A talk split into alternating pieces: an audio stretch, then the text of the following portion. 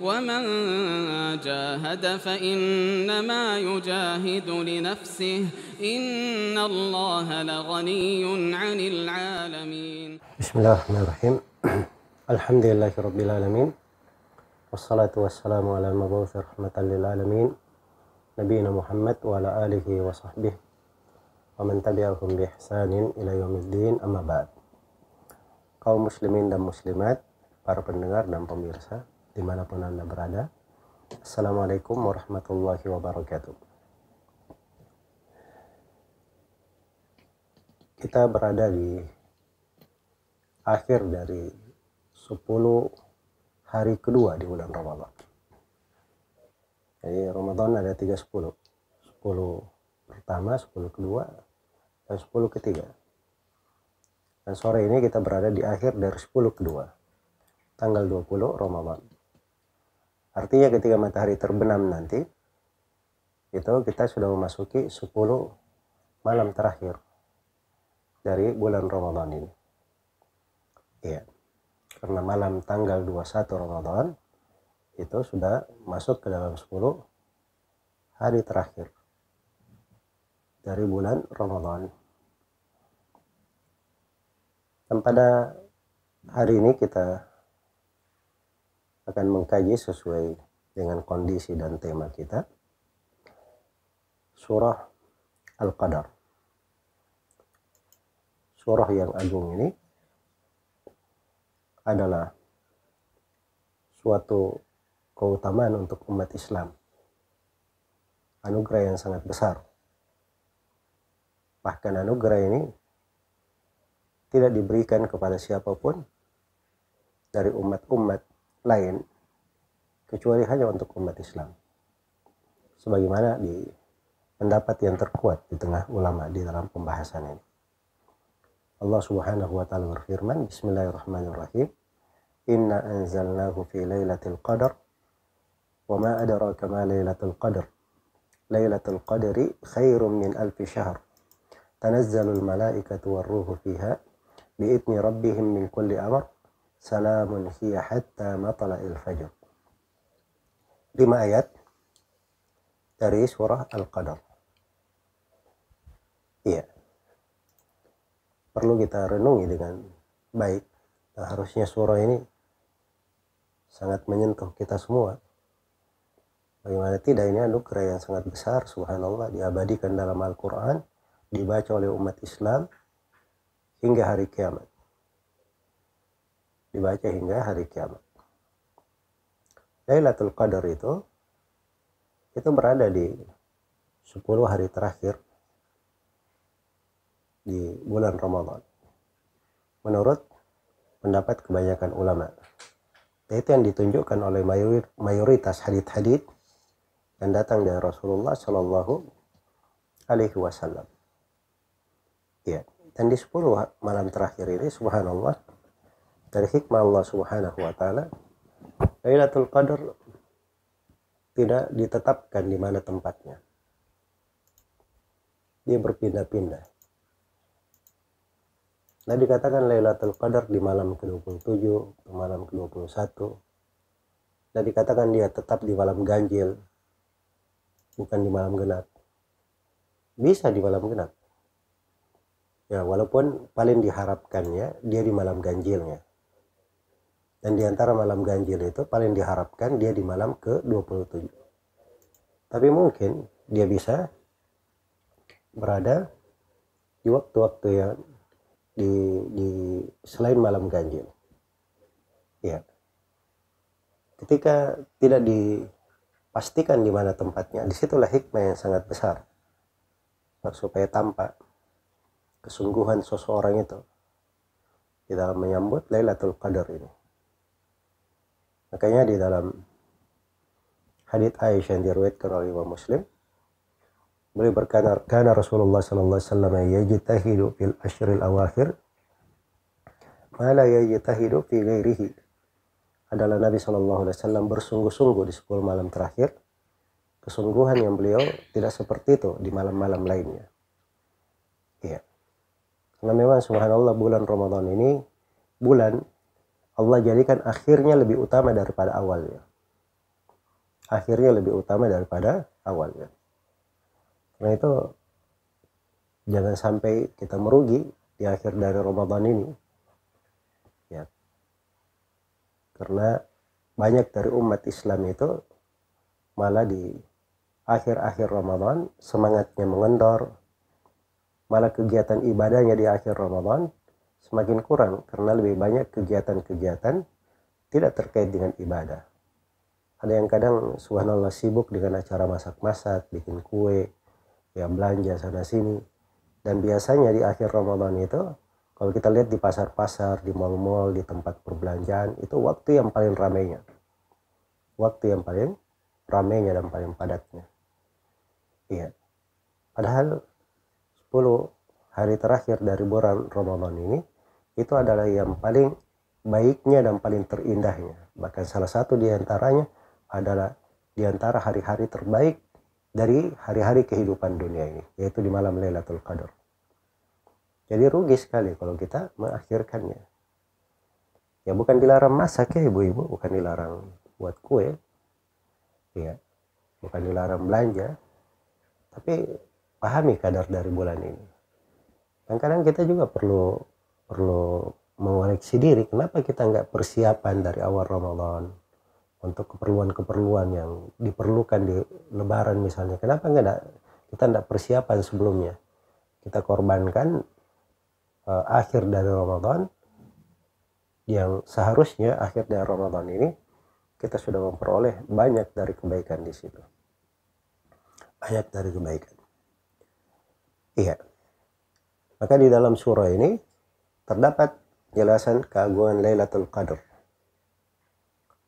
dan bagaimana besarnya Lailatul Qadar ini untuk umat Islam.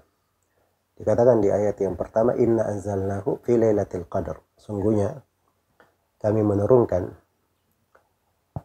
Al-Quran pada malam Al-Qadar. Pada Lailatul Qadar. Laila dikatakan Laila itu artinya malam.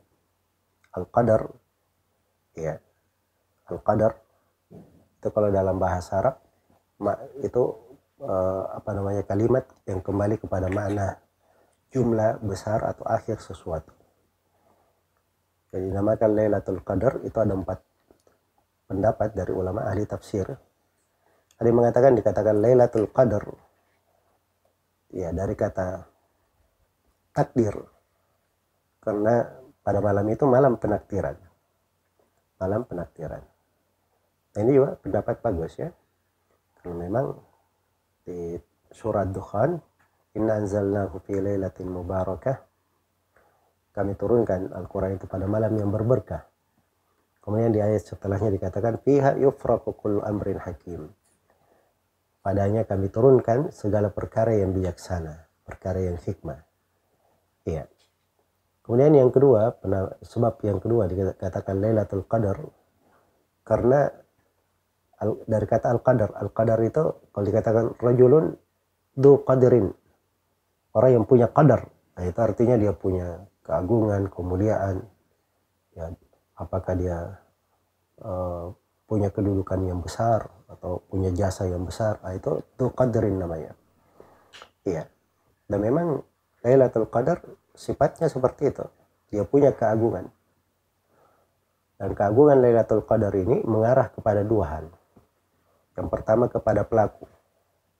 Karena siapa yang mengerjakan ketaatan pada malam itu, dia akan dia akan menjadi pemilik keagungan dan kemuliaan. Yang kedua kembali kepada amalan perbuatan. Karena setiap amalan ketaatan pada malam Lailatul Qadar itu keutamaan dan kemuliaannya bernilai seribu kali lipat dibanding amalan pada malam yang lainnya. Iya pada malam yang lainnya. Jadi Lailatul Qadar artinya malam yang punya keagungan. Keagungannya bisa terhadap pelakunya, bisa terhadap amalannya. Dan yang ketiga dinamakan Lailatul Qadar. Ada yang mengatakan bahwa karena pada malam itu ter, terjadi penyempitan. Karena Al-Qadar itu dari sudut bahasa Arab juga, dia bisa bermana menyempit. Ya, bisa bermana menyempit. Jadi kalau misalnya uh, pada banyak disebut sebagian pada sebagian ayat kata qadar itu kadang diartikan sesuatu yang menyempit. Kenapa dikatakan malam yang mengandung penyempitan? Maksudnya karena bumi pada malam itu itu sempit dan sesak oleh para malaikat.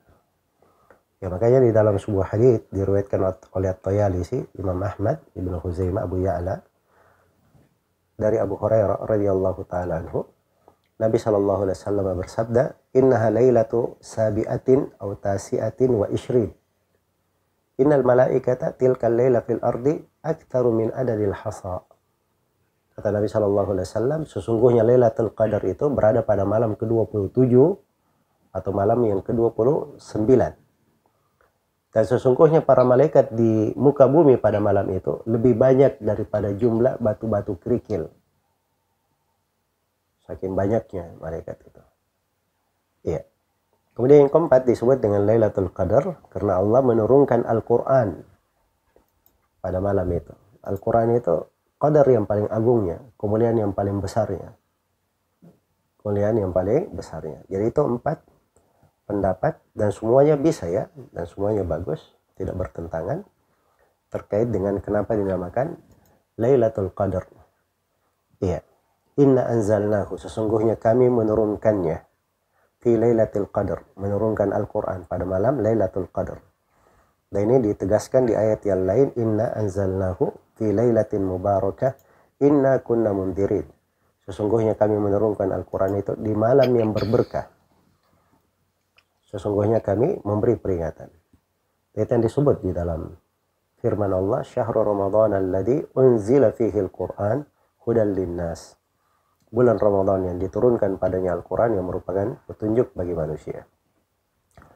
Ibnu Abbas radhiyallahu taala anhu dan selainnya berkata bahwa Allah menurunkan Al-Quran itu sekaligus dari Lauhul Mahfud ke Baitul Izzah di langit dunia. Kemudian Al-Quran turun secara beransur kepada Rasulullah Wasallam sesuai dengan keadaan selama 23 tahun. Iya, selama 23 tahun. Baik. Jadi itu di antara mana diturunkannya. Ya, ini ketika dipetik mana turun, turun itu semua orang tahu, turun itu dari atas ke bawah. Dari atas ke bawah. Dan ini salah satu sudut pendalilan di antara ribuan pendalilan yang menunjukkan ketinggian Allah Subhanahu wa taala di atas makhluknya. Yaitu dari hal yang disepakati oleh para ulama tidak ada silam pendapat. Hanya orang-orang yang ganjil dan keliru pemahamannya yang berucap tidak seperti itu dari kalangan manusia belakangan. Nah, kalau para ulama dinukil kesepakatan-kesepakatan dari mereka bahwa Allah Subhanahu wa taala maha tinggi di atas langit tinggi di atas langit. Nah, itu sesuai dengan keagungan dan kebesaran Allah subhanahu wa ta'ala. Baik. Jadi ini terdapat ketinggian Allah subhanahu wa ta'ala di atas makhluknya. Kami turunkan di Lailatul Qadar. Wa ma adraka ma Lailatul Qadar. Dan tahukah kamu apa itu Lailatul Qadar? Ya, pertanyaan ini menunjukkan pengagungan dan pembesaran terhadap Lailatul Qadar. Ini bentuk pertanyaan seperti ini ada di dalam Al-Quran ya. Misalnya Al-Haqqah, Mal-Haqqah, wa ma'adaraka Mal-Haqqah, Al-Qari'ah, Mal-Qari'ah, wa ma'adaraka Mal-Qari'ah. Ya, hari kiamat. Ya. Apakah hari kiamat itu? Tahukah kamu apa itu hari kiamat? Nah, itu pengagungan. Membesarkan sesuatu. Setelah itu Allah telangkan Lailatul Qadari khairum min alfi syahr. Lailatul Qadar itu lebih baik daripada seribu bulan. Maksudnya bahwa nilai dan kedudukan Lailatul Qadar itu lebih baik daripada seribu bulan. Jadi yang dikata suatu amalan salih diamalkan oleh seseorang pada malam itu, misalnya dia sholat, sholat malam, pas malam itu Lailatul Qadar, maka pahala kedudukan sholatnya ya itu senilai dengan dia mengamalkan melakukan sholat itu selama 83 tahun dan 4 bulan tanpa Lailatul Qadar. Karena 1000 bulan itu artinya berapa? 83 tahun ditambah 4 bulan. Itu 1000 bulan. Ya. Nah ini dari keistimewaan umat Islam ini luar biasa. Makanya umur mereka pendek-pendek, tapi dari sudut amalan diberi dari hari-hari, diberi dari keutamaan-keutamaan yang di waktu dan di hari-hari itu amalan dan ketaatannya bisa dilipat gandakan. Bisa dilipat gandakan. Kemudian Allah Subhanahu wa taala menjelaskan sudut keutamaan yang lain dari Lailatul Qadar. Tanazzalul malaikatu warruhu fiha bi'itni rabbihim min kulli amr. Ya, salamun hiya hatta matla'il fajr. Pada malam itu malaikat-malaikat dan malaikat Jibril turun dengan izin Rabbnya. Iya. Mengatur segala urusan. Malam itu penuh keselamatan sampai terbit, sampai fajar terbit. Maksudnya bahwa pada malam itu banyak malaikat yang turun dengan rahmat, keberkahan. Ya, sebagaimana uh, para malaikat itu memang kalau turun di majelis ilmu itu membawa rahmat dan keberkahan. Jadi turunnya disebut turun malaikat itu, itu bukan sembarang turun. Malaikat itu tidak sembarang diturunkan. Itu membawa rahmat dan keberkahan. Kebaikan. Iya. Membawa kebaikan. Makanya dikatakan di akhirnya salamun hiya hatta matla'il fajr. Iya. Salam malam itu penuh dengan keselamatan sampai terbit fajar subuh. Apa maksudnya penuh dengan keselamatan? Ya Abu Bakar Ibnul Arabi rahimahullah menyebutkan tiga hal. Yang pertama, salamun dikatakan salam, keselamatan karena Lailatul Qadar itu keselamatan dari segala sesuatu. Dari segala sesuatu yang buruk. Iya.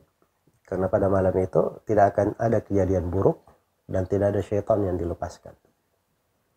Yang kedua, dikatakan salamun, artinya waktunya itu semuanya keselamatan. Adalah hal yang membawa kepada keselamatan, kebaikan dan keberkahan. Terkait dengan waktunya. Dan dikatakan salamun yang ketiga, karena para malaikat memberi salam kepada kaum mukminin pada malam itu. Ya, sebagaimana penduduk sorga itu kalau sudah masuk ke sorga itu para malaikat memberi salam di pintu-pintu salamun alaikum bima sabartum. Disambut. Nah ini sama diberi salam kegembiraan untuk umat Islam pada malam tersebut. Ya dan ini semuanya mungkin ya di dalam tafsir ayat. Iya. Jadi ayat ini menunjukkan keutamaan Lailatul Qadar itu dari beberapa perkara dari enam sudut keutamaan. Yang pertama Allah menurunkan Al-Quran pada malam Lailatul Qadar. Yang kedua Allah telah meninggikan kedudukan Lailatul Qadar. Bahwa Lailatul Qadar ini senilai dengan seribu bulan, lebih baik daripada seribu bulan. Atau bahasa lainnya lebih baik daripada 83 tahun 4 bulan. Yang ketiga turunnya para malaikat pada malam itu. Dan malaikat itu hanya turun dengan membawa keberkahan dan kebaikan. Kemudian yang keempat, dari keutamaan Lailatul Qadar dari surah ini dia adalah malam keselamatan dan kebaikan. Dan yang kelima penakdiran terhadap segala sesuatu pada satu tahun itu ditakdirkan di malam Lailatul Qadar. Dan yang keenam Allah menjelaskan keutamaan Lailatul Qadar ini dalam satu surah penuh dibaca hingga hari kiamat. Iya, dibaca hingga hari kiamat. Karena itulah kita perlu menghidupkan malam ini dengan baik Ya, subhanallah. Kita hendaknya banyak berdoa kepada Allah. Diberi bantuan masuk ke malam Lailatul Qadar ini memperoleh kebaikan-kebaikan di dalamnya. Sebab kalau Allah tidak memberi taufik kepada kita, tidak memudahkan kita, ya, tidak ada yang bisa kita dapatkan. Makanya kita mohon kepada Allah Subhanahu wa taala itu yang pertama. Kemudian yang kedua kita mengambil sebab-sebab yang dengannya kita bisa meraih Lailatul Qadar. Ya sebab-sebabnya dihidupkan seluruh malamnya. Ya, makanya Nabi Shallallahu Alaihi Wasallam itu di 10 malam terakhir beliau sama sekali tidak tidur. Seluruh malamnya beliau hidupkan dengan ibadah. Bahkan beliau tidak mendekati keluarganya. Ya, tidak mendekati istri-istrinya. Dan beliau bangunkan semua keluarganya supaya beribadah membangunkan keluarganya supaya beribadah. Itu mengambil sebab teman. Iya. yang paling pokoknya di malam Lailatul Qadar itu seorang melakukan sholat itu yang paling pokok yang diinginkan. Nah itu Nabi Shallallahu Alaihi Wasallam bersabda, "Man qama Lailatul Qadari imanan wa ihtisaban, ghufira lahu ma taqaddama min dhanbi." Siapa yang berdiri di malam Lailatul Qadar karena keimanan dan mengharap pahala diampuni untuknya apa yang telah lalu dari dosanya. Iya. Makanya kalau ingin cari pengampunan dosa, tergolong orang yang diampuni, Nah, itu cara memastikannya dia menghidupkan 10 hari terakhirnya dengan melakukan sholat di malam hari. Dengan melakukan sholat di malam hari. Iya, dia ambil sebab. Karena dalam sholat malam itu, Masya Allah, sudah terkumpul banyak hal. Ada membaca Al-Qur'annya, ada berdoanya, bermunajatnya, beribadahnya, berzikirnya, berbagai kebaikan yang ada di dalamnya. Apalagi kalau dilakukan berjamaah sholat tarawih. Karena itu Nabi Shallallahu Alaihi Wasallam pernah mengimami para sahabat dari Ba'da Isya sampai subuh. Ya, dari Ba'da Isya sampai subuh. Dan itu kebiasaan berjalan di tengah banyak dari umat Islam dari zaman dahulu. Hanya saja belakangan ini ya kita kadang diusik oleh sejumlah manusia yang apa namanya menjadikan sholat tarawih itu seperti main-mainan ya. Melakukannya dengan sangat cepat. Hanya di hitungan beberapa menit saja. Nah ini dari tipu daya syaitan. Nah ini dari fitnah di tengah masa di masa sekarang ini. Nah, itu potongan-potongan video seperti itu tidak boleh disebarkan. Haram untuk disebarkan. Ya sebab itu menyebarkan kejelekan namanya menyebarkan kejelekan Semoga Allah Subhanahu wa taala memberi hidayah kepada semuanya. Maka Allah Subhanahu wa taala telah melimpahkan nikmat dan anugerahnya. Yang malam kemenangan dengan pelipat gandaan pahala dan penggugur dosa serta kesalahan, pintu-pintu rahmat dan keselamatan serta tempat berdoa, permohonan sangat didengar oleh Allah. Itulah malam Lailatul Qadar. Nabi sallallahu alaihi wasallam telah bersabda, "Ragima ampu rajulin adraka Ramadan thumma salakha min qabla an yughfaralah. Sungguh merugi seorang lelaki itu dia dapat bulan Ramadan lalu Ramadan berlalu meninggalkannya sedang dosa-dosanya belum diampuni.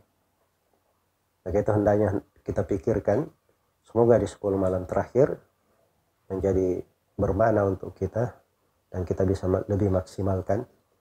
Siapa yang tahu ya barangkali ini adalah Ramadan yang terakhir bagi kita.